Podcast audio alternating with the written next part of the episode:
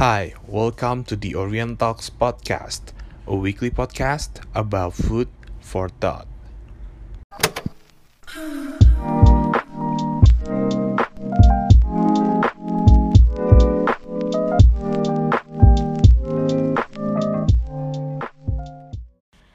Sedikit cerita tentang tamu gue hari ini. Dia adalah seorang pengusaha juga dan dia banyak banget eh, ngajarin gue nilai-nilai kehidupan yang akhirnya gue terapin juga dalam hidup gue dan sebenarnya gue mau ngulik juga sih dari pandangan hidup nilai hidup yang dipegang sampai bagaimana keinginan seorang tamu gue ini untuk hidup mandiri meskipun sekarang dia punya fasilitas dan memiliki hidup yang mungkin bisa dibilang lebih dari cukup Terus gimana juga seorang tamu gue ini belajar menjadi seorang kepala keluarga. Please welcome Hugeng Mulyadi Pranata. Iya, halo. Waduh, nggak pengusaha juga, Wi. Melanjutkan usaha bokap lah, at least kayak gitu. Bukan pengusaha juga, Wi. Nah, Masih. di kalau gue sih langsung mulai. Gue pengen nanya ke lu, kenapa sih lu mau hidup mandiri meskipun lu punya fasilitas yang cukup, meskipun lu bisa dibilang punya kehidupan yang enak, tapi lu punya keinginan untuk hidup mandiri itu kenapa? Nah, mandiri. Sekarang gini, Wi. Lu dari kecil Mm-mm. udah hidup sama orang tua. Mm-mm. Gua ngomong sekarang ya. Iya. Gua ngomong sekarang. Hmm. Gua dari kecil udah hidup sama orang tua. Mm-mm. Sekarang gua udah punya keluarga, Mm. masa gua masih mau walaupun gue tinggal bareng sama keluarga sekarang Mm. masa gua mau kayak apa gimana masih menggantungkan hidup sama orang tua lagi gitu loh Nah, tapi lu siap gak maksudnya ketika pada saat lu melepas semua fasilitas yang lu punya gitu loh? Maksudnya kan berarti kan itu kan ada resiko yang harus lu korbankan. gua kan? sebenarnya siap Hmm. jujur wi awal pertama kali gua merit Mm. pertama sebelum gua merit itu gua ngobrol sama bokap gua Mm. gua ngomong cuma begini gua boleh nggak keluar dari rumah Mm. Mm. setelah gua merit boleh nggak gua keluar dari rumah Mm. jawaban dia cuma satu no Mm. Lu tau lah bokap gua Mm. Mm. apalagi nyokap gua juga Mm. kental banget lah apalagi kayak dia punya kultur Cinanya apa gimana gitu Iya. loh Iya. nah dan juga gua anak satu-satunya laki-laki Mm. jadi di keluarga bokap gua ini Mm. gua anak laki-laki satu-satunya jadi yang harus jaga mereka orang tua ya laki-laki Mm. soalnya anggapan mereka kalau perempuan Mm. ya keluar kan dari keluarga kan dia mengikuti Iya. keluarga dari lakinya tersebut jadi mau nggak mau bokap gue waktu itu ngomong no nggak boleh keluar sendiri Mm. jadi gua harus tinggal sama orang tua Tapi itu menjadi faktor yang mendorong lu untuk hidup mandiri. gue pingin seperti itu Mm. tapi salah satunya contoh ada beberapa gua di rumah gue sekarang gue tinggal sama bonyok gue ini Iya. Beberapa bi- biaya bulanan Mm. ada gue yang bayar Mm. Mm.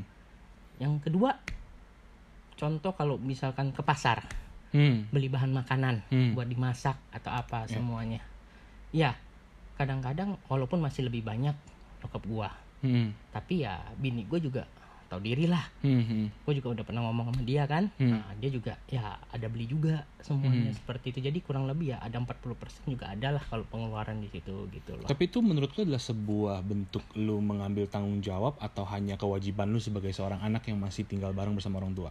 enggak gue mau ambil itu dari gue mau coba hidup mandiri Mm. gue berpikir gue mau hidup mandiri itu seperti apa sih sebenarnya Mm. Itu dia wi jadi mau nggak mau gue harus ambil action kalau misalkan gue hidup mandiri berarti kan Mm. semua bahan makanan di keluarga gue sendiri gue yang beli atau Hmm. apa semuanya ya gue mencoba itu kalau misalkan kan ada juga beberapa kasus orang-orang lain ya gue Hmm. gue nggak mau ngomong siapa atau gimana gitu kan Hmm. kan ada beberapa tinggal sama orang tua ya makanan bahan-bahan makanan gitu ya dibeli sama orang tua Mm. dia nggak ikut campur Mm. listrik Mm. air Mm. telepon internet gitu Hmm. gimana seperti itu Tapi boleh tau gak sih gue, maksudnya faktor apa yang mendorong lu tuh ingin hidup mandiri gitu? Maksudnya kan banyak di luar sana yang ya emang banyak orang-orang yang mungkin dalam tanda kutip bukan memanfaatkan ya, tapi Hmm. memang dia memaksimalkan fasilitas yang dia punya gitu. Tapi kenapa lu faktor apa sih yang mendorong lu tuh kayak gue tuh pengen hidup mandiri gitu? faktor itu tadi wi Hmm. gue mau hidup sendiri pingin soal kenapa dari kecil gue udah sama orang tua gue mau hidup sendiri seperti apa sih gue bisa bertahan gak sih Hanya sebatas itu aja. iya Hmm, jadi sebatas penasaran lu gitu ya. penasaran gue seperti hidup mandiri seperti apa sih Hmm, hmm, hmm, itu hmm. dia tetapi ya gua rasain sebenarnya masih belum hidup mandiri yang gua lakuin sekarang yang tadi gua bicara sama lu Iya. yang walaupun rata-rata pengeluaran masih lebih banyak bonyok Mm-mm, mm. orang tua lah yang Hmm. keluarin kalau ini kan ya lumayan juga lah wi pengeluaran wi Iya. lu tau lah Tapi maksudnya kan at least berarti lu mau memulai dalam artian sedikit mengambil tanggung jawab sedikit Betul demi sedikit sekali. lah gitu Iya. ya. Nah, yang sebenarnya gini, ada satu nilai yang gue belajar dari lu juga bekerja keras gitu. Hmm. Oke, mungkin sedikit intermezzo sedikit. Gue tahu lu orang yang tidak berbakat di dunia pendidikan. di dunia akademis. Iya, iya. Sekolah SMA kelas 3 mau UAN keluar dengan alasan apa itu UAN nggak penting. nggak gitu juga wi gua kan ada E level wi Terus habis itu lu mencoba pergi ke Jepang dengan Ah. dengan lu belajar mandiri di sana. Tapi setelah dua tahun lu akhirnya pulang ke sini. ah Terus setelah itu eh, lu akhirnya memutuskan untuk kuliah juga. Oh Ya iya, kan? Nah, ah, akhirnya ah. kuliah juga pertengahan jalan lu keluar juga. Akhirnya gue menilai lu bahwa emang emang ada orang yang ditakdirkan tidak ber- tidak berbakat di dunia akademis lah. Iya. Lu. Nah, tapi nilai plus dari lu adalah lu punya eh, willingness kerja keras. Mm-mm. Nah, itu yang yang gue mau tanya juga gitu loh. Maksudnya kenapa sih lu mau mau kerja keras gitu? Maksudnya lu kan fasilitas sudah lengkap segala macem gitu loh. Tapi kenapa lu masih punya eh, apa ya dorongan untuk bekerja keras itu sih yang gue salut sebetulnya. Eh, intinya kalau kerja keras sih Hmm. itu mau cari penghasilan wi Hmm, hmm, kalau lu misalkan sudah akademis nggak ada hmm, hmm. Lu nggak kerja keras lu mau dapat penghasilan dari mana lagi wi Iya betul. cuma setuju. itu aja Hmm. nah tapi bukan berarti gua orang yang nggak terlalu fokus di pendidikan Hmm. gua belajar sesuatu tuh lambat enggak Iya. lu lu lu boleh lu tau lah ya kalau Iya. misalkan masalah kerjaan gue belajar untuk satu produk atau gimana? Cepet. Hmm, hmm. gue ngerti jual produk oh ke mana? Oh ke mana? Oh ke mana? Lu lu tau lah. Iya iya. iya. Ah, seperti itu gitu. Tapi kalau benar-benar untuk di akademis punya Hmm, kayak misalkan eh marketing itu apa sih? Hmm. yang sampai harus harus nanti di apa namanya?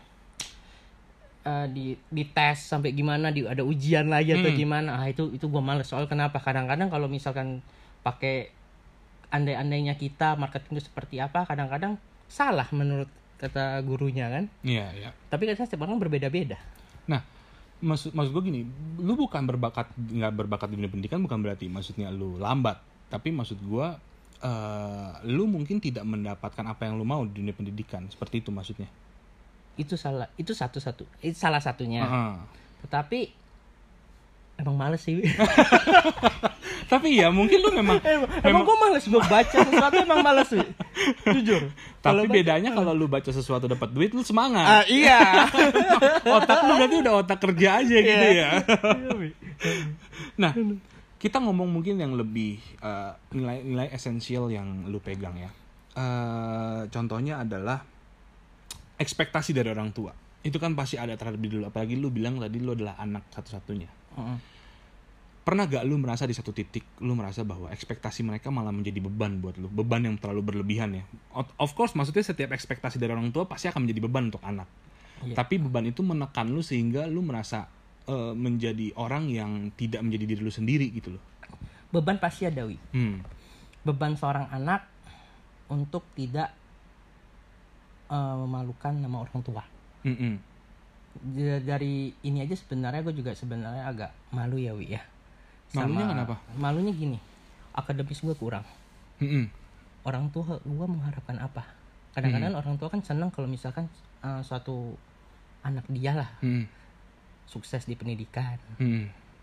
misalkan dapat gelar setinggi tingginya Mm-mm. kan dia juga seneng kan untuk kasih tahu ke temen-temennya seperti itu semuanya Oke. nah itu juga salah satu dulu beban Ya. tapi lama-lama gua kayak gimana ya ya kayak ya udahlah Hmm. karena gua eh, kayak nggak terlalu di pendidikan Mm-mm. mau nggak mau ya gua harus bebankan gua ini supaya orang tua gua seneng Mm-mm. sukses di sewaktu gua bekerja Mm. makanya gua di situlah gua kerja kalau bisa kerja keras Oke oke. tapi oke. jujur aja sampai sekarang juga gue merasa gue masih agak kurang Mm-mm. soal kenapa semua ini juga kerja juga rata-rata di belakang itu masih ada embel-embel dari orang tua Maksudnya keputusan dari bukan keputusan wi contoh oh, Hmm. lu kan begini karena orang tua lu kan emang sudah kerja di sini kalau nggak yang punya Oh, usaha eh, atau dari apa penilaian orang lain. betul sekali I see, I itu see, I see. dia Hmm, dan sampai sekarang juga pasti ada beberapa lah Hmm, hmm. Heeh, gitu Nah, kita balik lagi ke ekspektasi dari orang tua. Ada gak sih ekspektasi yang memang diucapkan sama eh, orang tua lu, terutama mungkin dari bokap lu ya, yang terucap dari mulut dia, dia pengen lu seperti A, B, C, seperti itu. Ada gak? dulu sih pernah Hmm, boleh cerita gak itu ekspektasi apa yang dia kalau ekspektasi sih pasti dia pertama pendidikan pendidikan? Iya, Oke. dulu pendidikan Hmm. Nah, yang kedua ini ya usahanya lah. Kalau bisa lu benar-benar mandiri. Mm-mm. Dalam arti di mandirinya itu adalah eh, kalau lu bisa lu buat suatu perusahaan sendiri Oke. Yang membuktikan ke orang-orang, Oke. bukan dari perusahaan yang ditinggalin oleh orang tua Mm-mm. Mm-mm. seperti itu. Kalau bisa lu jalan sendiri, Mm. itu lebih baik daripada lu Oh. perusahaan orang tua. Berarti memang orang tua lu mendidik lu untuk supaya menjadi mandiri juga. Nah, itu Betul makanya sekali. sekarang lu punya sih, maksudnya lu punya nilai yang lu mau tunjukin. Betul. Nah, balik lagi tadi ketika bokap lu punya ekspektasi di dunia pendidikan, di mana lu tidak belum bisa memberikan dia ekspektasi yang dia harapkan. Waktu itu eh, dialognya gimana tuh? Maksudnya ke bokap lu bahwa, "Pak, kayaknya Didi belum bisa nih untuk eh, menyelesaikan ekspektasi papa yang ini gitu." itu gimana itu debatnya? juga udah tau lah Wi Oh, dulu sekolah juga gimana kan ulangan Uh, uh, uh. nilainya jelek atau Hmm. apa semuanya kan Hmm. juga sering dipanggil orang tua juga karena dipanggil orang tua Iya, kan iya, iya, gara-gara kan gini hmm. nilai ulangan kan jelek Iya. atau apa semuanya nah itu kan kadang-kadang guru kan kalau misalkan dulu sekolahnya yang benar punya Hmm. guru kan akan manggil Iya. orang tua Hmm. yang murid-murid yang kurang supaya lebih diperhatikan Hmm. tapi percuma wi emang otak gue udah nggak bisa bukan masa nggak bisa sekolah ya Iya, iya. emang udah nggak di sono Iya. soalnya kenapa lu belajar sejarah emang sejarah buat apa sih perang dunia Ah. kedua emang so tahun depan emang kenapa Ah. beda kan Mhm. nggak ada permasalahan lagi di Nggak ada- sejarah lagi gitu semuanya Iya, nggak ada korelasinya terhadap iya hidup ya. apalagi sekarang kita mau jadi pengusaha Hmm, hmm. lu belajar fisika buat apa Hmm, hmm. itu, itu menurut gua Iya. Ah, gitu loh Nah, tapi di kan balik lagi nih. eh, mungkin kan maksudnya ini ketika di bokap lu mengharapkan pendidikan dan juga lu mandiri secara punya usaha kan itu kan punya korelasinya dong. Dalam tanda kutip mungkin stigma yang yang yang ada di masyarakat adalah ketika lu punya pendidikan bagus, at least lu punya modal untuk bikin usaha. Padahal sebetulnya kan nggak seperti itu. Mm-mm. ya kan nah tapi kan lu akhirnya tidak tidak memenuhi nih yang pertama nih si pendidikan ini Heeh. tapi lu lebih mau ngejar yang kedua nah kendalanya apa kendala terbesar lu kendala Eh, kendala pertama kedua yang kendala itu oke kendala yang itu ya yang masalah pekerjaan deh Mm-mm. banyak sih pertama Mm-mm. karena kita kan masih baru Iya. masih baru Mm. kita masih belum mengerti apa itu dunia usaha dulunya Iya. waktu pertama-tama setuju Mm. ketemu orang seperti apa Mm. Menilai seseorang itu seperti apa. Hmm. beda loh menilai seseorang sewaktu usaha berusaha dengan teman Berteman. aja. Ya. Kadang-kadang berusaha yang berusaha punya or- orang yang lu nggak seneng Mm. Mm. emang itu emang buat lu bisa untuk usaha semuanya. Mau nggak mau lu juga harus temenan kan? Iya so iya. kenapa? Dia punya link. Iya. Kalau dia nggak punya link kita gimana mau jual itu produk ke dia? Mm, mm, mm, ke teman-temannya linknya itu semua. Mm, mm. mau nggak mau? Ya. nah itu dia apalagi gua lu tau lah gua orang sifatnya seperti apa Mm. iya kenal sama orang seperti apa Mm. menilai seseorang seperti apa kalau udah menilai seseorang seperti A ya A Mm. gua nggak mau tahu lagi Mm. kalau gue dulu nggak seneng sama itu orang gue udah nggak mau tahu lagi Sebenarnya ini, gue pengen nanya ini, tapi sebelum gue lompat ke pertanyaan yang tadi, ketika lu mengalami kesulitan di usaha lu, oke, lu merasa itu sebuah bentuk eh ini gak sih, maksudnya kayak domino effect karena lu memang pendidikan lu tidak maksimal, enggak enggak, itu semua karena ego gue ego, sifat. Oke, di situlah gue belajar. Hmm, hmm, hmm. sifat gue tuh harus berubah lah. Seharus ada beberapa yang jelek. Khususnya sewaktu berhubungan dengan orang. Iya. dalam arti berkomunikasi. Hmm. habis itu cara berteman menilai seseorang tuh seperti apa. Hmm, hmm, hmm. nah seperti itulah. Nah, berhubung lu kan ngomongin sifat lu nih, oke, Ah. mungkin sedikit cerita supaya pendengarnya relate ya. Jadi eh, Didi adalah orang yang sangat keras. Mungkin di sini kerasnya seperti apa? Eh, dia adalah orang yang sangat saklek dalam artian ketika dia sudah menilai sesuatu A ya dia A. Dia nggak akan merubah pendirian dia meskipun terbukti bahwa apa yang dinilai sebenarnya tidak seburuk itu.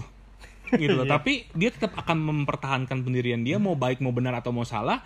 Intinya dia keras kepala lah jeleknya. Hmm. Bagusnya ya punya pendirian. Nah, cara lu mengubah itu gimana di? Itu kan hal yang sangat sulit untuk lu ubah dong. Itu kan karakter yang lu bawa dari semasa lu kecil. Nah, sekarang ketika lu tadi lu bilang berbisnis, lu harus punya relasi yang baik dengan orang. Gimana cara neken itu semua? ya mau nggak mau Wi. Hmm. kalau lu berbisnis lu nggak bisa neken ego lu Hmm.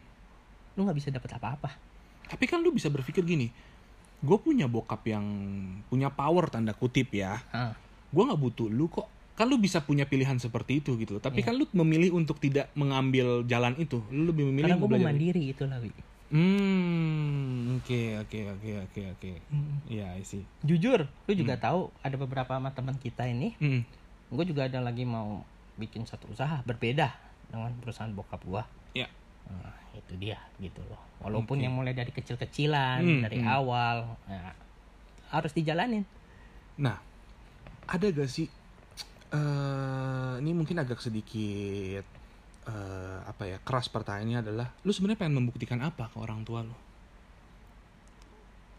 sebenarnya membuktikan gue mandiri sih itu dia maksudnya gua nggak perlu lu gitu loh gue nggak Hmm. perlu ada lu semuanya gitu loh dalam arti eh, bukan dalam arti nggak perlu ada dia seorang pasti perlu se- seorang ayah untuk Ya. berbicara Hmm. untuk saling bertukar pikiran Betul. Dalam kadang-kadang konteks contoh waktu kerja Hmm. seharusnya itu bisa decision gua sendiri Oke. Hmm, hmm. karena masih dianggap lu masih baru Hmm, ya kan hmm. ini harus orang tua gua yang take over seperti itu seharusnya kadang-kadang itu nggak perlu Hmm. hal-hal yang semacam seperti itulah gitu see, seharusnya makanya gue membuktikan Hmm. gue mau bikin usaha sendiri Hmm, hmm. gue mau mandiri Hmm. Tanpa ada sangkut pautnya dengan orang tua Hmm. gue mau take decision sendiri Hmm. cara gue berkomunikasi dengan teman seperti apa Hmm. cara berkomunikasi dengan konsumen Hmm. ah, seperti itu semua harus mandiri semua yang semuanya kalau misalkan gue nggak belajar dari gue sendiri soal kenapa sifat-sifat gue Hmm. kadang-kadang kalau misalkan sudah ada bisikan dari orang lain berarti itu kan sudah dikasih tahu dulu Hmm. Nah ini gue mau tahu sifat gue seperti ini Hmm. sewaktu gue menjalankan itu kena efeknya seperti apa sih Nah. bener nggak sih cara gue punya megang prinsipnya seperti itu Oke. Cara lu mengkomunikasikan hal tersebut kepada bokap lu seperti apa? jujur sekarang di perusahaan bokap gue ya kadang-kadang yang misalkan itu nggak perlu ya gue nggak mau kasih tahu gue jalanin Hmm, aja nanti oke. hasilnya sendiri yang keluar mau Hmm. itu hasilnya memuaskan Hmm. kurang puas atau tidak puas Hmm. tapi untungnya Hmm. rata-rata memuaskan walaupun jalannya mungkin memerlukan contoh mungkin dengan arahan bokap gua Hmm. hanya lima langkah Ya. dengan cara gua bisa 8 langkah atau enggak 10 langkah ya yang penting kan hasil yang kita tuju kan sama Tujuannya seperti itu tercapai. dari situ juga kan kita juga belajar lah Ya, ya. gitu loh Dengan kondisi lu yang sekarang eh, ada gak sih mimpi yang emang lu mau capai? Mimpi pribadi ya? Apa mimpinya? mimpi pribadi Hmm. gue pengen rumah sendiri Mhm. Menarik nih, oke? gue pengen rumah sendiri Iya. gue mau rulesnya rumah gue sendiri Hmm. kalau gue tinggal di rumah sekarang juga kan tinggal di rumah bokap nih Ya, orang tua ya. pasti ikut masih rules orang tua nggak mungkin dong gue tiba-tiba bikin rules gue orang tua ikut gue Iya, iya, iya, iya, benar. itulah mimpi gue gue pengen rumah sendiri Hmm. Karena gini, gua sebagai pandang ini jadi gua kasih kasih masukan, maksudnya bukan masukan sih, pandangan gua dari orang luar ya gini. Mm-mm. Punya rumah yang fasilitasnya lengkap, ya kan. Terus eh, hidup bisa dalam tanda kutip enak, Iya. karena gue tidak mengalami apa yang lo alami lah ya balik lagi Iya. seperti itu Mm. jadi menurut gue pandangan orang luar gue terhadap lu meskipun kita temenan udah lama banget nih gue masih suka agak nggak ngerti bahwa lu yakin mau memilih jalan tanda kutip lebih sulit nih ketika lu lepas dari orang tua lu pasti nggak akan sefasilitas lu nggak akan se, se- semewah ini loh gitu Oke, Wi, gua hidup Hmm. dari dulu emang nggak terlalu foya-foya. Kayak setuju teman-teman yang ya lain. Itu itu value yang gue belajar juga dari lo Ya kan? Ah, ah, ah. Gue bukannya yang sering pulang malam banget, habis itu ngabisin duit kayak buat pesta-pesta gitu, enggak Iya, gitu iya, loh, iya, kayak iya. party-party gitu juga enggak gitu. Hmm, hmm. Gua tuh hidup gua tuh sebenarnya rata-rata hampir mau lurus lah, ya hampir lurus lah, hampir, tapi pasti Hampir. ada bengkok-bengkok dikit. Ya kan pasti nah masalah gua dapat fasilitas sudah lengkap Mm-mm. itu sebenarnya gue tidak mengharapkan. Oke. Dalam arti tidak mengharapkan itu adalah gue bukan tidak bersyukur ya. Ya ya gue tidak mengharapkan itu soal kenapa? Gue emang nggak butuh. Hmm oke. Gue nggak butuh. Hmm. Hidup gue tuh sebenarnya contoh di rumah itu cukup ruangan. Mm-mm. Ada TV Mm-mm. ada musik buat alat alat musik dalam Mhm. arti kayak speaker atau apa Mhm. semuanya audio lah Mhm. nah habis itu komputer Hmm. that's it internet internet ah ya kalau nggak juga nggak ada Iya, nah gue iya. juga sebenarnya itu juga gue gue bisa hidup enak gitu loh so kenapa gue Hmm. merasakan itu sewaktu di waktu gue di Jepang Hmm. di situ lo gue bisa hidup sendiri walaupun bareng sama teman Iya belajar mandiri lah ya ya Hmm. gitu loh maksudnya gue nggak butuh yang heboh heboh gitu nggak butuh wi Hmm. so kenapa menurut gue gue begitu gue udah seneng gitu loh gue udah udah puas Hmm. ditambah lagi kalau misalkan gue punya keluarga gue sendiri Hmm. gue mau rumah gue seperti apa Hmm. ya kan rulesnya seperti apa Hmm. enak Hmm. Oke. Jadi gue nggak terlalu mengharapkan beberapa fasilitas-fasilitas yang terlalu berlebihan buat gue Oke. so kenapa itu juga nggak gue pakai Hmm. Nah, eh jadi gini, dari pendapat gua dengan cerita lu adalah lu punya mimpi yang sederhana, Iya iya kan? Tapi lu memilih jalan yang sangat rumit nih untuk mencapai mimpi lu yang sederhana. Bisa dibilang gitu dong. Lu sekarang mau gini, mimpi lu adalah punya rumah sendiri, rumah yang cukup dalam tanda kutip yang tadi lu bilang. Ah. Bukan rumah yang mewah besar eh, yang Ah. punya kolam renang, punya ini, punya Iya, itu, iya. ya kan? Ah. Berarti rumah yang seadanya doang lah gitu. Nah, tapi lu kan bekerja keras nih, mau Ah. buktiin ke bokap lu lu bisa mandiri segala Ah. macamnya. Eh kenapa seperti itu gitu maksudnya? Jadi kayak lu punya mimpi yang sederhana tapi lu malah milih jalan yang belok-belok nih untuk nyampe mimpi lu yang sulit gitu loh. Iya gak sih maksudnya? iya betul Ah. betul betul jujur gue kalau sekarang mau DP rumah bisa Iya, itu dia. Maksud gua lu Iya, bisa ah, punya gua kemampuan. bisa. Ah. Ah, iya gue bisa Ah. tapi gue nggak bisa keluar wi Mm-mm. makanya itu jalan gue adalah untuk membuktikan ke bokap gue gue Hmm. bisa mandiri Mm-mm. ya Supaya lu bisa dapat izin dari dia bahwa oh iya lu udah oke deh lu emang udah bisa. betul Ah, rumit ya. tapi Nah. sampai sekarang juga nggak nggak dapat dapat izin Tapi gini di, gue salut sama lu adalah waktu itu kita kita pernah ngobrol berdua di mobil. Eh, jadi lu pernah ngomong sama gue dan ini nampar gue banget. Jadi lu pernah ngomong bahwa gue mau kerja keras nih wi sampai umur gue 35 tahun. ya Ingat gak lu pernah ngomong itu Ya. sama gue? Terus gue mau kerja sekeras kerasnya waktu itu kita- mungkin waktu itu kita masih umur lu mungkin masih umur 26 27 kali ya? Apa 25 kali? itu 2000 berapa ya Pokoknya udah lama banget Iya. lah ya, udah lama banget. Pokoknya lima sekitar tahun enam lima- tahun yang. Betul. Ah, betul Nah, eh, lu bilang lu mau kerja keras dan lu mau bener-bener kerja mati-matian. Karena lu mau pensiun dini tujuan lo. iya Karena lu bilang pada di, di umur 35 itu gue pengen nikmatin waktu gue untuk istri gue dan anak gue nantinya. Heeh. Karena temen lu bilang waktu itu, correct me if I'm wrong ya, iya temen menurut gue datang nanti pergi. ah Tapi kalau keluarga itu akan selamanya sama gue. iya Itu pikiran yang nampar gue menurut gue. Karena lu dengan segala fasilitas yang punya, lu masih punya pikiran seperti itu. Which is, itu value yang gue belajar dari lu. Kenapa lu bisa punya pikiran kayak gitu, Di? jujur dulu gue punya teman seberapa banyak sih nggak ada enggak ada ada lah ada ya ya gini enggak dulu ada beberapa temen gua. Ya emang ya lari keluar lari keluar. Emang ada maksudnya. Hmm, hmm, hmm. jadi di, dari situ gue udah berpikir oh mungkin teman bisa dicari lah ya tapi kalau udah keluarga nggak mungkin dong. Kawin cerai kawin cerai. Ya setuju setuju. Itu dia. Makanya gue lebih Setuju. mau mementingkan ke keluarga. Hmm. that's it. Nah kalau yang masalah umur 35 tahun itu Hmm. Sekarang gue udah berbeda loh pikirannya beda lagi iya iya lihat Kenapa? dari sikon karena lu merasa lu nggak bisa mencapai itu di umur 35 iya lebih realistis ya pikirannya walaupun masih ada sekitar lima tahun lagi sih. Iya, masih lima Ah, tahun. tapi untuk mencapai itu sulit Oke, karena karena gini, gue yang mungkin lebih spesifik ya. Ah, ah. Memang pada saat lu mau pensiun dini umur 35 yang tadi lu bilang, emang apa sih definisi sukses menurut lu pada saat itu? Sukses santai duit datang sendiri nggak kerja. Oke. jadi gue udah set up itu semua udah Hmm, beres ya kan? Perusahaan jalan sendiri Hmm. ya kan? Gue bisa santai bisa apa. Nah itu menurut gue udah sukses tuh dulu. Oke. tapi sekarang karena gue udah terjun lebih lama lagi lebih dalam nggak bisa wi lepas begitu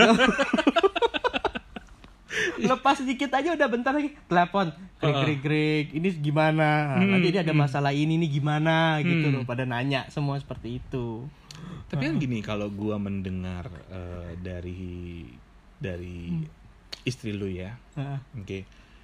Eh, maksudnya kan lu orang tipikal yang memang sangat doyan kerja. Heeh. Sebetulnya kan lu dulu pernah ngomong sama gua, bokap gua tuh workaholic. Gua nggak mau jadi kayak dia. Bener gak? Ah, iya Nah sekarang lu melihat diri lu makin makin mirip sama bokap lu gak? gue lihat tapi nggak workaholic bokap gue sih Oh nggak se-workaholic dia. iya gue masih ada santainya Mm-mm. kadang-kadang menurut gue ini masih belum saatnya gue kelarin masih bisa diundur sedikit Masih bisa lu tunda lah gitu masih ya. gue tunda lah Mhm. gitu loh Oh, oke. tapi kalau soal gini bini gue Hmm. dari keluarga yang agak santai tidak terlalu fokus sama kerjaan Mhm, mhm. Lebih, lebih keluarganya lah masih bisa santai lah menikmati hidup lah. Menikmati hidup, Iya. iya, ha-ha. Jadi work life sama Iya, personal life jadi- balance gitu ya. Iya, jadi anggapan dia workaholic gua sama workaholicnya bini gua tuh berbeda. Hmm. Gitu. Jadi anggapannya gua menurut gue ini udah santai loh. So kenapa gue liat bapak gua Mhm. kerja gitu keras? Hmm, hmm. Ah-ah. Mungkin dulu mungkin bini gua lihat bapaknya kerjanya agak santai. Tapi mungkin gini gak sih kalau misalnya kita bilang bokap lu ya, karena kan gue pernah dengar cerita dari lu juga bahwa bokap lu tuh dulu memulai sebisnisnya dia adalah mulai cuma dari satu meja dan satu mesin tik dan telepon kan. Betul. Iya kan sebelumnya Betul. bahkan bokap lu pernah jadi OB juga. Iya, betul. Terus sekarang punya perusahaan yang bahkan bisa dibilang lima ruko jadi satu punya bokap lu sekarang gitu kan. Ya, Maksudnya itu kan progresnya benar-benar dari nol sampai yang sekarang tuh Hmm. luar biasa banget berkembangnya gitu. Eh, Mungkin itu gak sih faktor yang mendorong bokap lu kayak kayak sampai se se mentalnya tuh sekeras sekarang gitu untuk kerja keras mungkin, gitu. mungkin. Yang Hmm. gua lihat mungkin gini. Yang gua lihat dari bokap gua dia nggak mau membuat keluarganya susah. Oke. dia mau membangun keluarganya ini hidup yang cukup Mhm. mungkin berlebih Mm-mm. yang lebih Hmm. semua serba bisa gampang apa semuanya daripada nanti harus mikir aduh besok liburan nih Mm-mm. mau jalan-jalan ke mana hitung-hitungan Iya. mungkin itu kali jadi dia kalau misalkan mau jalan-jalan udah oh udah besok liburan udah yuk langsung jalan jadi udah nggak ada mikir lagi untuk hitung-hitungan gitu loh jadi membuat keluarga agak Nyaman. nyaman gitu loh Iya. jadi nggak perlu lu mikirin lagi lah seperti itu Hmm, hmm, mungkin kali ya Iya, iya. Mm-mm. eh berarti gini loh di eh kalau gua merasa bahwa bokap lu menyediakan fasilitas senyaman ini semua demi keluarga kan betul dan lu akhirnya pun sekeluarga lu setuju lu bisa menikmati fasilitas yang sudah disediakan sama Iya. bokap lu Mm-mm. tapi ada gak hal yang memang lu merasa bahwa gue gue butuh ini dari bokap gue tapi unfortunately bokap gue belum bisa memenuhi itu sampai sekarang sih enggak ya oke sampai sekarang sih enggak hmm. bokap gue juga sekarang sudah banyak support gue Hmm, hmm. di di dalam gue hidup berkeluarga juga dia ada banyak kasih input lah Mhm. seperti apa Mhm. habis itu di usaha juga dia juga ada kasih input juga gitu Mm-mm. loh walaupun kadang-kadang gue juga nggak dengar juga gitu tapi tapi ya itu sebenarnya ya kita harus dengar Iya. Kita boleh jalan kenapa enggak ya terserah kita so Ya. kenapa kita punya jalan hidup mungkin masukan dia ini sewaktu ini masih belum waktunya kita jalankan ya Hmm. kita nggak jalankan Mhm. sewaktu kita ada ketemu suatu masalah emang oh sudah pernah dikasih tahu ya kita bisa Hmm. bergerak gitu apa yang telah dinasehati tidak diberitahu gitu loh. iya, iya, iya. Setuju sih gue sama lu karena menurut gue nasehat itu dari orang tua atau dari siapa pun itu sebenarnya bagus semua pasti Iya. demi kebaikan. Mm-mm. Cuma terkadang kita butuh melewati proses tertentu untuk memahami nasihat tersebut ya. betul iya I see, I see, I see. Nah ini juga salah satu hal yang unik yang gue mau bahas ke sana juga. Lu, lu dari bisa dibilang dari lu masih sekolah dari ya dari kecil berarti lu udah hidupnya udah udah berkecukupan lah dengan fasilitas yang ada. Tapi lu nggak kayak anak-anak di luar sana nih yang terkesan memanfaatkan fasilitas tersebut gitu loh. Ya contohnya kan gue merasa lah gue temenan sama lu kita udah belasan tahun temenan lu nggak pernah yang namanya clubbing yuk iya lu nggak pernah yang namanya gua eh, kita pijit yuk gitu maksudnya Ah. lu nggak ke arah sana gitu loh Iya. dan menurut gue itu sebuah pandangan yang bagus dan menurut gue didikan orang tua lu berarti bagus banget ke lu Heeh. nah selain didikan dari orang tua kesadaran apa yang membuat lu untuk tidak tidak memanfaatkan fasilitas tersebut gitu loh? Oke untuk clubbing. Mm, contoh mm, salah satunya clubbing. Mm. gue nggak seneng. Oke. Gue emang nggak seneng. Mm, gue juga lu tahu gue orangnya nggak seneng terlalu rame. Iya. Lu masih inget kalau misalnya kalau kita makan? Mm, mm, mm. makan berdua nih. Iya biasanya kan ambil satu meja yang berempat kursi yang berempat aja udah cukup kan iya kadang-kadang gue enggak kan ambil yang berenam gue nggak berlapan kan Hmm. nah itu mungkin gue emang dasarnya nggak suka keramaian Oke. Tapi selain itu ada gak masih dorongan-dorongan lain yang membuat lu sadar kayak akhirnya kita nggak penting deh ngabisin duit buat begini-begini gitu. mungkin udah dididik orang tua kali ya udah Hmm. ditanemin gitu loh Hmm, hmm, hmm. ini nggak bagus nih nggak bagus nih nggak bagus Hmm, oke. mungkin itu Hmm. tetapi ada beberapa ya juga gue lakuin. Kayak contoh minum. Hmm, gue emang minum. Hmm, tapi gue nggak clubbing. Iya. gue suka minum tapi gue Iya. nggak clubbing. Hmm, gue minum nggak kerokok. Iya. nah itu. Hmm, Oke, oke. Nah, kalau pendapat lu sendiri terhadap anak-anak di luar sana yang mungkin terkesan memanfaatkan fasilitas dari orang tuanya itu seperti apa? itu hak haknya mereka ya. Hmm, itu hak haknya mereka. Oke. gue sebenarnya nggak mau ikut campur Hmm, mereka mau ngapain kek? Pakai duit orang tua yang udah dikasih mau seperti apa kek? Hmm, hmm, mobil yang udah dikasih habis di modif modif bodo amat gua. Hmm, hmm. itu hak haknya mereka. Gua Iya. nggak bisa eh, apa namanya? Lu nggak boleh gini lu nggak boleh gini. Nggak. Hmm, tapi yang gue bisa kasih tahu adalah kalau misalnya untuk modif kalau emang dia suka ya udah mau gimana? Hmm. tapi kalau misalkan kayak untuk pergi mijit lah Ya, mijit yang kata konotatif apa yang ada Plus-plusnya lah. plusnya lah ya Hmm. gitu ya janganlah kasihan lu Hmm. tahu nggak sih kalau misalkan lu tiba-tiba ke sono itu ada penyakit Hmm, lu kena penyakit gimana kalau penyakit yang kelamin sih nggak ada masalah hmm. HIV AIDS Iya. nasib orang tua lu melihat tuh bagaimana apa nggak benar-benar sedih lu nggak lihat di situ Hmm. Kalau bisa mau clubbing terserah kadang-kadang orang suka yang clubbing tapi jangan sampai yang nyabu Ngobat lah. ngobat Iya. atau apa semuanya Iya. itu jangan lah kalau mau club terserah Hmm. Hmm. Heeh. nggak Tapi- ada masalah Itu sih value yang menurut gua gua belajar dari lu banyak sih. Maksudnya gua melihat lu adalah orang yang berkecukupan dan orang yang yang memiliki fasilitas yang lebih tapi lu bisa eh, itu gue bersyukur banget makanya ini gue selalu cerita ke teman-teman gue biasanya adalah gue punya teman satu meskipun dia hidupnya berkelebihan tapi dia hidupnya lempeng lurus gitu loh. Nah. Itu sebenarnya percaya nggak percaya itu yang mem- mem- membatasi gue loh di. Maksudnya dalam artian gini yang membatasi gue untuk tidak melakukan hal-hal tersebut gitu loh. Karena apa? Gue merasa gue malu gitu. Gue gue orang tua gue tidak seperti orang tua lu tapi masa gue lebih nggak tahu diri daripada lu? Paham nggak Hmm. maksud gue gitu loh? Itu sih yang sebenarnya kadang menjaga gue juga somehow ya ketika gue mau melakukan sesuatu hal yang yang mungkin anak muda mau lakukan gitu ya tapi gue kadang suka mikir berkali-kali karena ya satu yang gue lihat juga kadang ah si Didi aja nggak kayak gitu kok maksudnya gue punya temen deket aja dia bisa jaga diri masa gue nggak bisa jaga diri gue Hmm. nah Ya. satu hal yang yang penasaran gue juga adalah pengalaman hidup apa sih yang yang membuat lu merubah cara pandang lu terhadap kehidupan gitu yang paling menonjol ya yang bisa merubah pandangan hidup gue itu Iya. sewaktu gue kerja wi oke gue bener-bener ketemu orang yang belum pernah gue ketemuin Mhm. dalam arti ini kok setan setan banget gitu Mhm. dalam arti depan ngomong apa belakang tiba-tiba brak begitu Iya. langsung dengan cepat kadang-kadang kan Iya. masih kalau kalau dulu sama temen kan masih bisa waktu yang lama lah baru ketahuan apa gimana Hmm. ini enggak Mhm. kadang-kadang di depan mata sendiri awal ngomong apa tiba-tiba pas ada orang lain Mhm. Ya kan Mhm. ngomong udah berubah lagi langsung ah itu wah anjir Mhm. waduh kalau udah begini gua harus jaga sikap nih Mhm. pandangan gue berpikir gue juga langsung berubah di situ oke harus lebih protektif Mhm. memilih wise untuk berbicara Mhm. nggak bisa gue asal cablak aja semuanya Mhm. nah di situ gue Oh, gue langsung berubahnya oke, sewaktu oke, gue oke. kerja oke Nah, ah. ditambah lagi sewaktu kalau ketemu konsumen Mhm.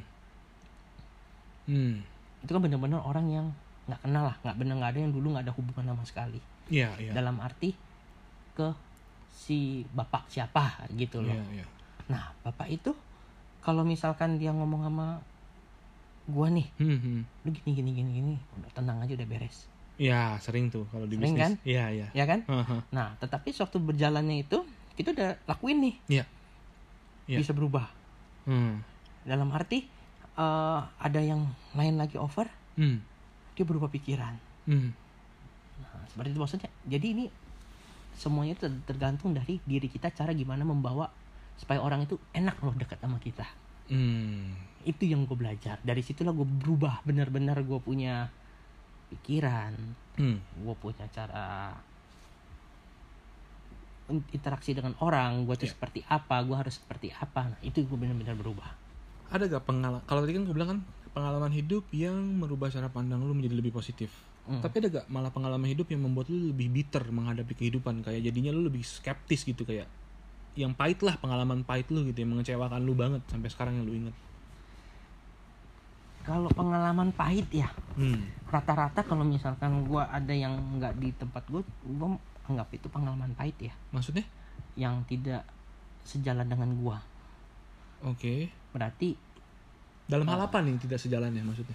semua hal Oke. dalam arti gini contoh Hmm, hmm, hmm. dengan keluarga aja Ya, ya. kalau dengan keluarga Hmm, kita kan tiba-tiba nggak tahu nih pandangan dia apa Ya. pandangan gua apa Ya. ya kan hmm. nah gua udah siapin nih misalkan pandangan gua udah begini gini gini untuk menjalankan apa yang kita apa yang gua mau ke Hmm. depannya Hmm, hmm. tiba-tiba bisa berubah Ya. soal kenapa yang orang yang satunya ini nggak suka gua lakukan caranya seperti itu Hmm. Nah, jadi gua aduh kadang-kadang gua mau paksain nggak ya Hmm. kadang-kadang ya harus gua paksa soal untuk kepuasan gua Ego lu berarti. ego gua Ya. jadi gua harus lakuin ini untuk supaya apa yang gua mau ya gua capai Hmm. Meskipun menyakitkan orang lain. menyakitkan orang Tapi itu masih lu masih jadi nilai hidup yang masih lu pegang atau lu ada beberapa merubah?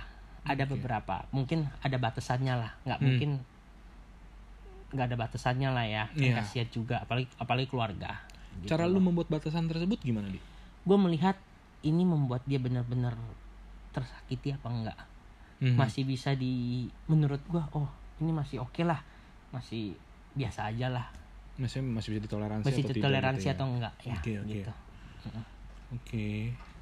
Menarik banget sih. Maksudnya mungkin orang luar melihat hidup lu kayak udah enak-enak aja gitu ya kayak oh Iya. udah jadi si Didi mah udah pasti enak lah aku Iya. nggak kekurangan sama sekali bahkan orang manggil bos bos bos gitu kan ya itu gue paling gak demen tuh kalau dipanggil tuh begitu Ter- terbe- karena terbebani ya. Iya.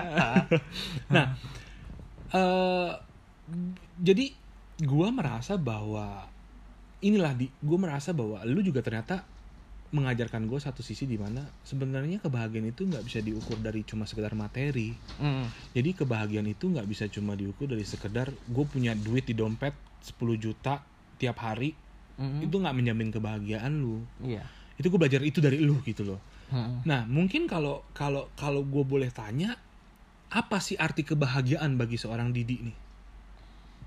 Maknanya tuh apa sih? Makna Makna. bahagia tuh buat lu tuh apa gitu? Bahagia ya? Hmm, hmm, hmm. apa yang gua capai apa yang gua mau tercapai. Oke. Itu gua udah Oke. senang. Hmm, hmm. kadang-kadang belum tentu apa yang gua mau contoh bini gua. Ya.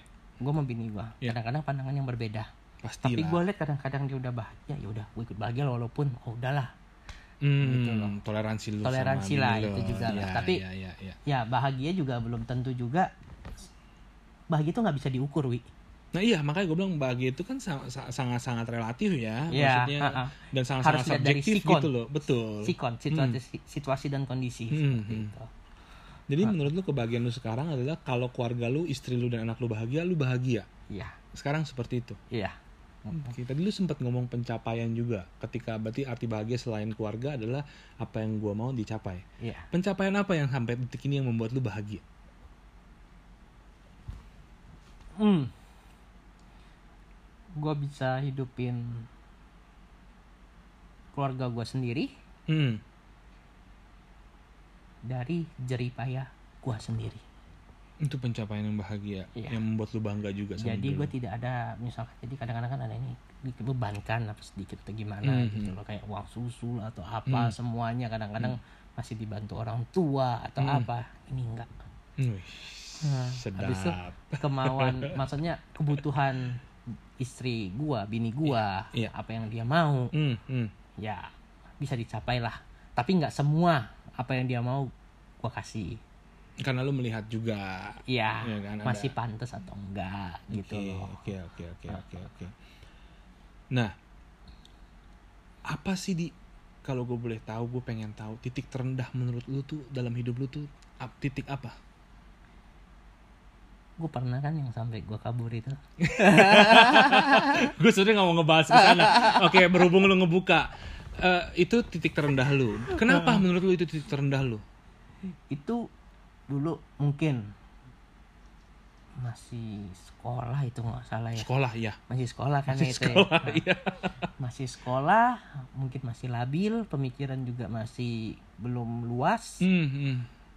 egonya masih tinggi gue merasa gue kayaknya selalu ditekan sama orang tua Hmm. apa yang gue mau pun itu nggak bisa didapat sama sekali Iya, iya. dalam iya. arti bukan kayak fasilitas ya Hmm, hmm. maksudnya kebebasan gue lah gitu loh berekspresi. berekspresi Iya. gitu nah itu dia makanya gue sampai situ gue udah nggak tahan ngomong gue sebenarnya gue sempat ber- berpikir Hmm. gue nih anak mereka atau bukan sih Hmm, gue oke. sempet gitu Oke, oke. soal kenapa apa yang gue ini enggak ini enggak ini enggak ini enggak semuanya serba kayak kayak di udah di langsung dijatoin gitu loh udah nggak ada naik naiknya lagi gitu Hmm, Oke, tapi cara lu akhirnya bisa survive di fase itu gimana di? nah dari situlah jujur Hmm. waktu itu kan gue kan kabur tuh Hmm, hmm. kaburnya udah udah tau lah ke rumah siapa kan Iya, iya, iya, nah iya. dari situ gue melihat tuh kita buka aja lah Iya. kaburnya ke rumah lu kan wi Iya, Nah, iya, iya. dari situ gue lihat mak lu wi Oke. ini dia yang gue cari nih Hmm. Gue pengen nih mak gue seperti ini Hmm, oke. itu yang gue cari habis itu Oke. gue lihat dia juga ada nasehatin gue kan Hmm. waktu itu di situ Hmm. ada nasehatin gue terus dia sendiri yang suruh suruh lu apa suruh gue yang gue hubungin bapak gue sendiri ya Suruh gua. ah suruh lu kan Suruh gua, ah iya. itu dia itu Iya, iya. nah dari situ kan berubah juga tuh Pandangan hidupnya. pandangan hidup Iya. bokap gue juga berubah mulai Oh, dari sana juga mulai. Iya. Oke, maknanya banyak ya dari Iya. sana. Bagus, bagus, bagus, bagus. Nggak sia-sia. dari situ Iya, ada iya. mulai Hmm, gitu hmm. berubah wah di situlah Iya sih, sebenarnya itu menurut gue momen di mana gue juga akhirnya sadar bahwa uh, hidup itu nggak selalu soal duit, hidup itu nggak selalu soal fasilitas, Hmm. dan yang paling penting gue melihat lu adalah uh, bokap lu sebenarnya sayang banget sama lu gitu loh, maksudnya setuju itu di situ gue juga melihat bahwa pengorbanan seorang ayah, sekarang lu bayangin ya, maksud kita kita, lu udah punya anak nih sekarang, lu Nah. bayangin, lu lagi kerja capek, Hmm. gitu kan tiba-tiba anak lu pergi Ah, terus lu yang tadi di kantor lu kan pasti udah buyar dong pikiran Iya. lu lu pasti akan lebih mikir gua harus kejar anak gua gitu loh Hmm. Nah akhirnya kan bokap lu memutuskan untuk akhirnya dia semua pekerjaan dia di di di, di ya dikesampingkan Ah. untuk memprioritaskan lu. Di situ mungkin lu baru sadar kali ya bahwa Iya. bokap lu sebenarnya memprioritaskan lu juga sebagai seorang anak. Betul betul. itu Ah, kejadian luar biasa sih. Itu gue nggak bakal pernah lupain sih. Gue inget banget lu nelfon gue kayak lu jemput gue gue tapi nggak ada mobil di. Nggak apa-apa Iya. naik motor aja kita. Tapi kan lu bawa tas gede. Udah gampang lu ke sini aja Jebnya di jalan lagi. Iya, jemputnya di jalan lagi bukan di rumah aduh anjing tapi ya di situ Tapi itu gila loh, Wi. Hmm. Itu gua KTP gua sengaja nggak bawa. Eh, eh. SIM juga nggak bawa. itu tuh umur berapa? Baru pas umur 17-an itu gua. kayaknya iya deh Iya iya kan? iya Nah, iya SIM gua juga nggak bawa. Apa KTP nggak bawa? Gua cuma bawa duit doang. Tapi ya bagus lah maksudnya dari dari satu kejadian itu nilai hidup kita bertambah banyak gitu Hmm. kan. Jadi Iya. bener-bener terbuka matanya. Nah, soal keluarga nih. Lu kan sekarang udah jadi seorang ayah. Anak lu cewek lagi, Nah, ya kan? Gue langsung nanya, ketakutan terbesar lu terhadap anak perempuan lu apa? udah tau lah ya. Belum tahu gua nih. Gue Ah, pengen tahu justru. Kalau lu punya anak cewek gimana? Pasti nggak mau lah terjun ke dunia sampai terlalu bebas. Mm-mm. Itu sih satu. Tapi terserah. Hmm. Itu semuanya udah gua orangnya bukan yang mau ngekang. Hmm. Soalnya udah jalan-jalannya dia. Oke, ini yang lu pelajarin, yang lu modifikasi Iya, gitu ya, yang betul. dari dari nilai Iya, bokap lu, ah. lu modifikasi. Tetapi Oke. gua akan memberikan sudut pandang gua. Lu harus seperti ini, lu harus seperti ini, lu harus seperti ini. bagus tuh. Dia Hmm. mau menjalankan apa enggak? Ya, semua tergantung dia. Lu hanya Dia harus belajar belajar bertanggung jawab atas Iya. diri sendiri. Ya, ya. Berarti lu memberikan pandangan aja nih. Kalau contohnya lu lu kasih tahu, lu kalau mau pilih ini konsekuensinya ini loh. Betul sekali. Pasti kan paling enggak kalau bisa udah gede semua begitu kan dia pasti bisa berpikir dong. Hmm, hmm, hmm. Dia mana mau sih udah tahu konsekuensi seperti ini. Semua orang juga udah tahu lah kalau misalkan jalan situ berlubang lu masih mau jalan juga. Iya, iya. Kan kan nggak mungkin. Iya. Nah, tapi cara lu untuk selain dengan lu yang tadi lu bilang eh, memberikan pandangan hidup, Mm-mm. itu kan berarti kalau kita tarik mundur, dia harus percaya sama lu. Betul Dekat. gak? Iya, deket. Heeh. Deket kan berarti belum tentu percaya loh. Dekat doang bisa aja. Iya. Tapi kan Ah. harus ada timbul kepercayaan. Heeh. Karena lu dekat sama dia. Iya. Dengan lu dekat sama dia, berarti lu punya waktu, harus punya waktu sama dia. Betul gak? Eh, iya. Waktu yang cukup untuk cerita, segala, Ah. dengerin cerita dia segala macam. Iya. Gimana cara lu bagi waktunya nanti? Iya, gue bagi waktu pasti gue pasti kan kerja juga nggak sampai malam ya. Iya, iya. Gue pasti Mhm. akan berubah lah semuanya apa yang gue nggak suka Hmm, hmm. ya kan Hmm. gue pasti akan merubah lu tau lah dulu bokap gue kerja sampai jam 9 Iya. malam atau berapa jam berapa gitu kan Hmm, hmm. gue nggak mau lakuin itu gue Hmm. lakuin mungkin oke kerja paling malam sampai jam 7 Oke, jam 7 pulang oke. bisa makan malam kan nah, Hmm. dari situ gue nggak mau ngomong kerjaan lagi gue nggak mau mikirin kerjaan lagi gue mikirin keluarga Hmm. See, mungkin see, dari see. situ gue mau gue tuh beranggapan gue orang tua tapi seperti teman Ya, bagus tuh. jadi gua nggak mau kayak anggapan kalau misalnya orang tua kayak kayak anaknya kan kayak jadi gimana gitu kalau Iya. benar-benar kayak Old school gimana. lah, ya. Ah, ah, ah, ah. jadi maunya ya lo anggapan gue tuh orang tua kayak temen aja udah dari Hmm. situlah mungkin deket Hmm, hmm. dia jadi bisa terbuka Hmm. gue nggak tahu tapi ini harus gue jalanin soalnya gue nggak bisa ngomong sekarang Nah, tapi nih di ngomongin soal ini menarik nih. Jadi gue pernah eh, baca artikel juga gitu kan. Konsekuensi ketika lu menempatkan diri lu sebagai teman terhadap Mm-mm. anak lu adalah lu harus siap ketika mendengar cerita yang tidak lu ingin dengarkan. emang iya tapi Hmm. semuanya itu eh, oke ini bagus wi Hmm. siap nggak siap jadi orang tua tuh emang harus siap Betul, setuju gua. Hmm. ya kan Ya, ya. Nah, tiba-tiba dengar kalau misal anak gue korban bullying atau apa, gue emang harus siap Ya. dan gue harus mm, eh, memberitahu, menasehati, memberi masukan, memberi kekuatan buat anak gue yang misalkan contohnya kalau dibullying ya, Hmm, hmm, hmm. ha, ha, itu seperti apa? Hmm. Kalau misalkan gue tidak mengaktingkan gue seperti teman dia, apakah Hmm. dia mau cerita?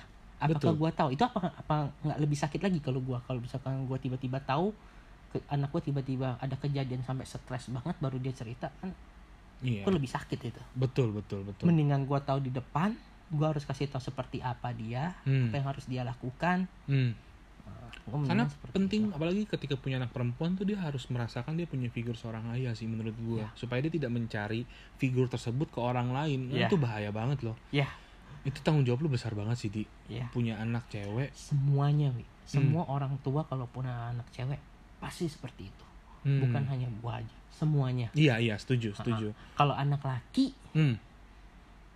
ya agak santai sih ya Iya biasa lebih santai kayak maksudnya karena pasti ya udah kalau anak laki kan dalam tanda kutip yang penting jangan ngobat aja deh udah Iya. itu kan udah udah udah Betul. lain yang harus udah kita kita kasih tahu bahwa lu mau bandel kayak gimana yang penting lu tidak melebihi sampai Batas. pakai obat Iya, aja ha-ha. gitu kan. Ha. dia lebih santai. Kalau cewek Iya. kan sorry ya maksudnya gue harus ngebahas ini seks free sex. Betul. itu kan lu di dunia kita sekarang aja di usia kita kita tahu eh, seberapa orang yang banyak yang ya menganggap free sex itu ya udah udah udah normal udah normal gitu. Dan kita juga tidak menyalahkan mereka karena ya itu kan balik lagi value-nya mereka masing-masing gitu loh kan. Ah, ah. apalagi itu mungkin bisa menjadi eh, sebuah bentuk ekspresi mereka untuk membuktikan gue cinta lo sama lo. Betul. Meskipun tidak sepandangan sama kita ya, Ya. gitu. Ah. nah lu gimana tuh nanti cara membatasi itu sama anak lu nanti?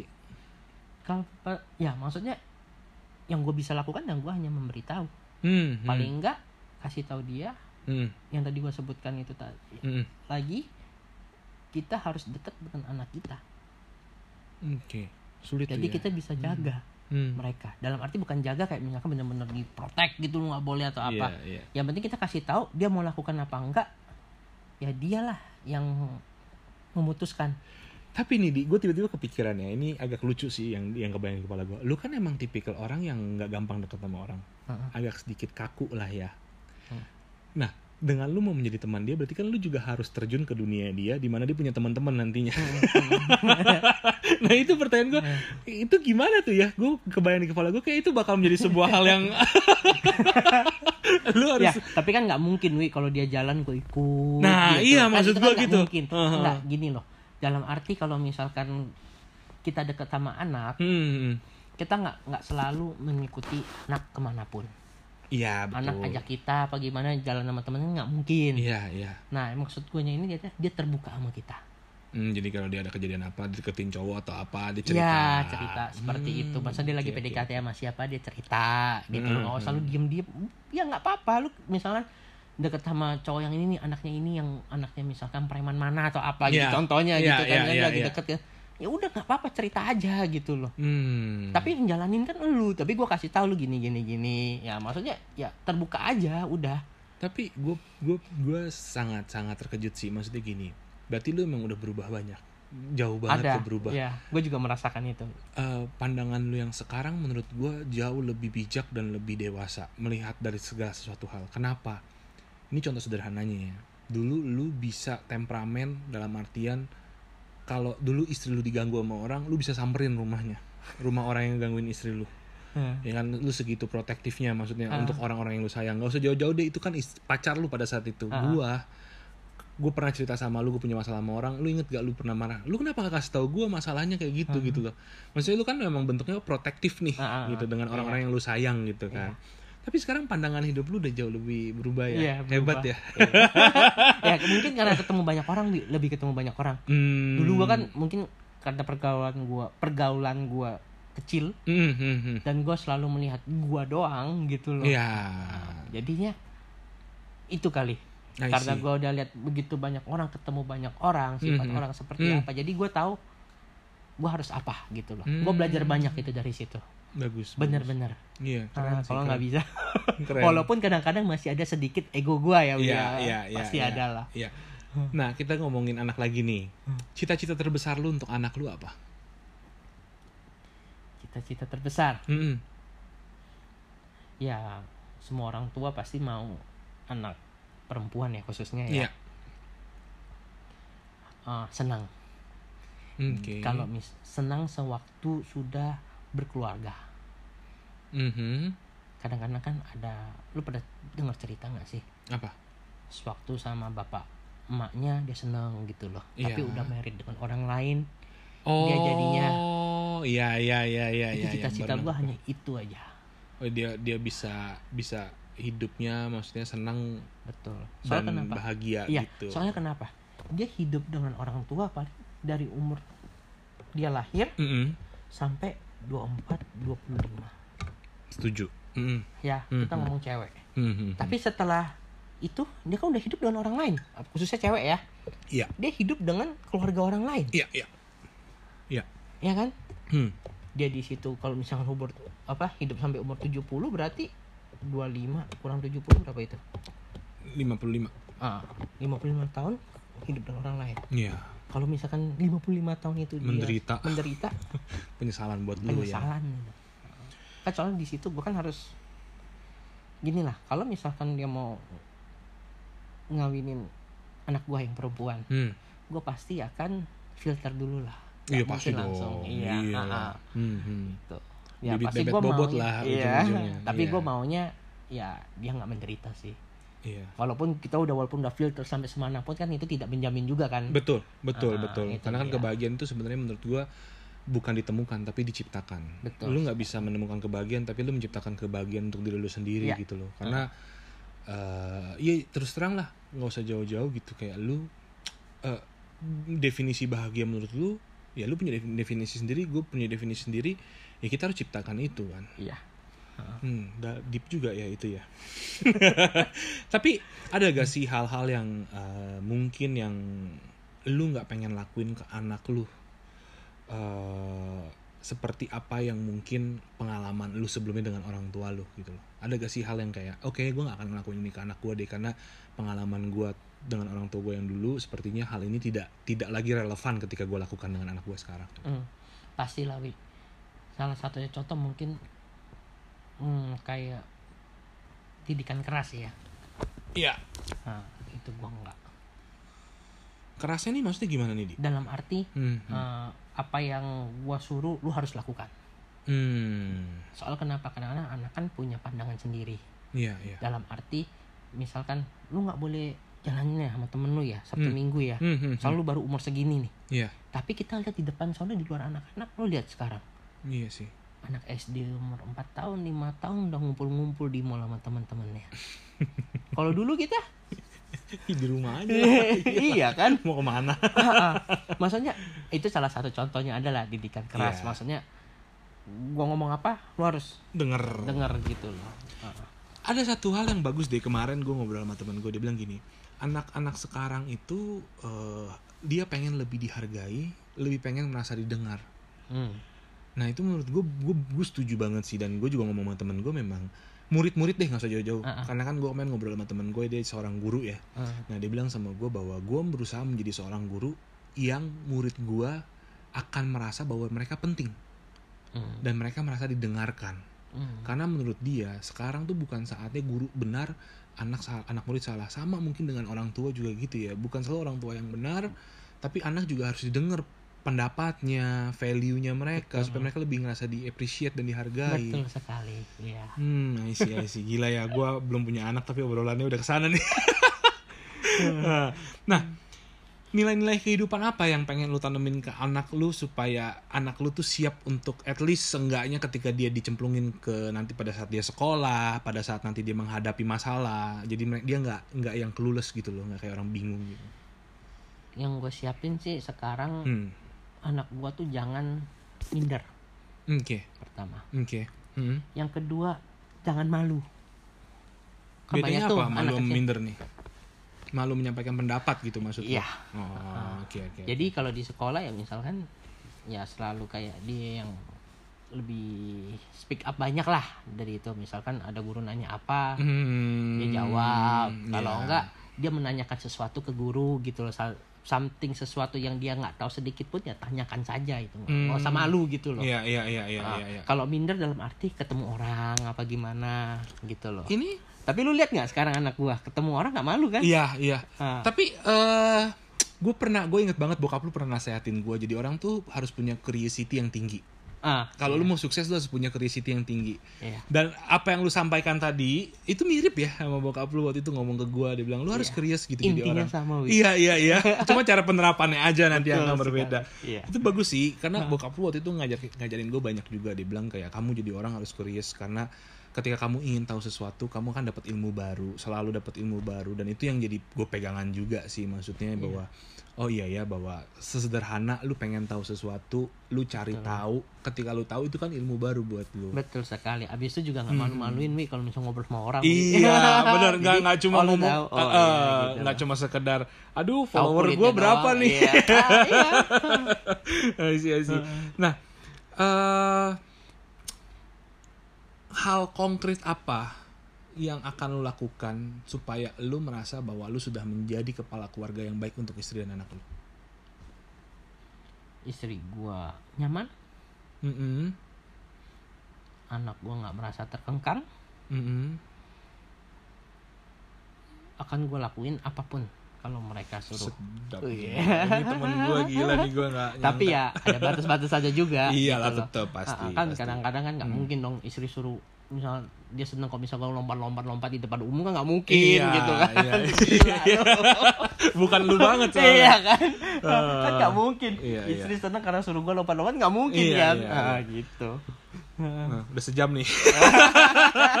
Oke, pertanyaan terakhir untuk sebagai penutup. Eh, apakah lu sudah merasa hidup lu lengkap sekarang? untuk saat ini lengkap Hmm, Oke.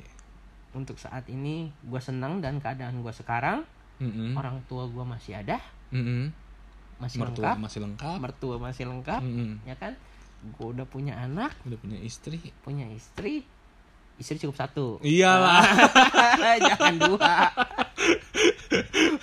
Kalau ada kesempatan emang mau lu mau? Enggak juga wi pusing wi iyalah ngurusin satu cewek aja udah pusing Satu gitu aja kan. nggak habis-habis ya. Oke.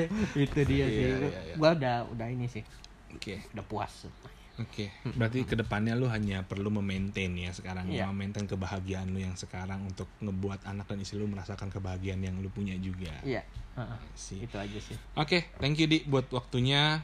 Nggak berasa udah sejam juga ngobrol-ngobrol. Thank you. Wi. Thank, Thank you, you, udah thank you, bagi-bagi thank you. Value-nya. Jadi mungkin sebagai penutup buat yang dengerin bahwa yang bisa kita ambil dari cerita si Didi hari ini adalah bahwa lu harus bisa menciptakan kebahagiaan lu sendiri dan gak selalu kebahagiaan itu tuh diukuri dari materi doang. Tapi bagaimana lu bisa bertanggung jawab bahkan hidup mandiri adalah sebuah bentuk tanggung jawab yang harus lu ambil supaya lu bisa menjadi manusia yang lebih baik lagi ke depannya.